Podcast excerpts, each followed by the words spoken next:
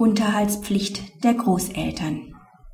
Bei Leistungsunfähigkeit des barunterhaltspflichtigen Elternteils haften die Großeltern nur, wenn dem anderen Elternteil ausschließlich die Betreuung und nicht auch eine Erwerbstätigkeit zur Deckung des Lebensunterhalts des unterhaltsberechtigten Kindes zugemutet werden kann.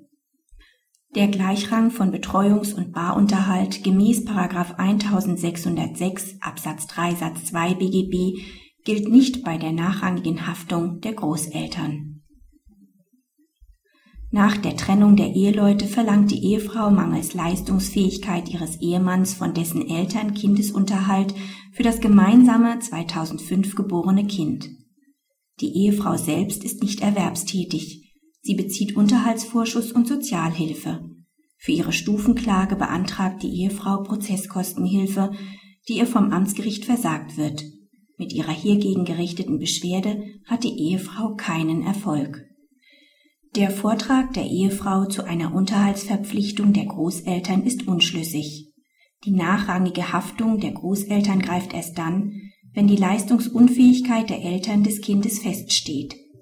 Die mangelnde Leistungsfähigkeit nur eines Elternteils hat zunächst nur zur Folge, dass sich der Haftungsanteil des anderen Elternteils nach 1606 Absatz 3 Satz 1 BGB erhöht, auch wenn der Elternteil bereits Betreuungsunterhalt leistet. Bar- und Betreuungsunterhalt sind im Verhältnis zwischen den Eltern, nicht jedoch im Verhältnis zu nachrangig Haftenden gleichgestellt. Soweit zumutbar und mit dem Kindeswohl vereinbar, muss der betreuende Elternteil daher zusätzlich eine Erwerbstätigkeit aufnehmen, um so selbst wegen der Ersatzhaftung für den Kindesunterhalt zu sorgen. Ist ihm dies nicht möglich, muss er dies schlüssig und substanziiert vortragen.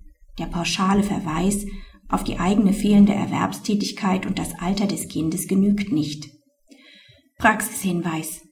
Diese sogenannte Ausfallhaftung greift auch dann, wenn der barunterhaltspflichtige Elternteil nur aufgrund Zurechnung fiktiver Einkünfte zur Unterhaltszahlung verurteilt wurde, der Kindesunterhalt jedoch mangels Einkommen nicht vollstreckt werden kann. Wird der Barunterhaltsbedarf sodann vom anderen Elternteil gedeckt, billigt ihm die Rechtsprechung einen familienrechtlichen Ausgleichsanspruch gegen den zahlungsunfähigen Elternteil zu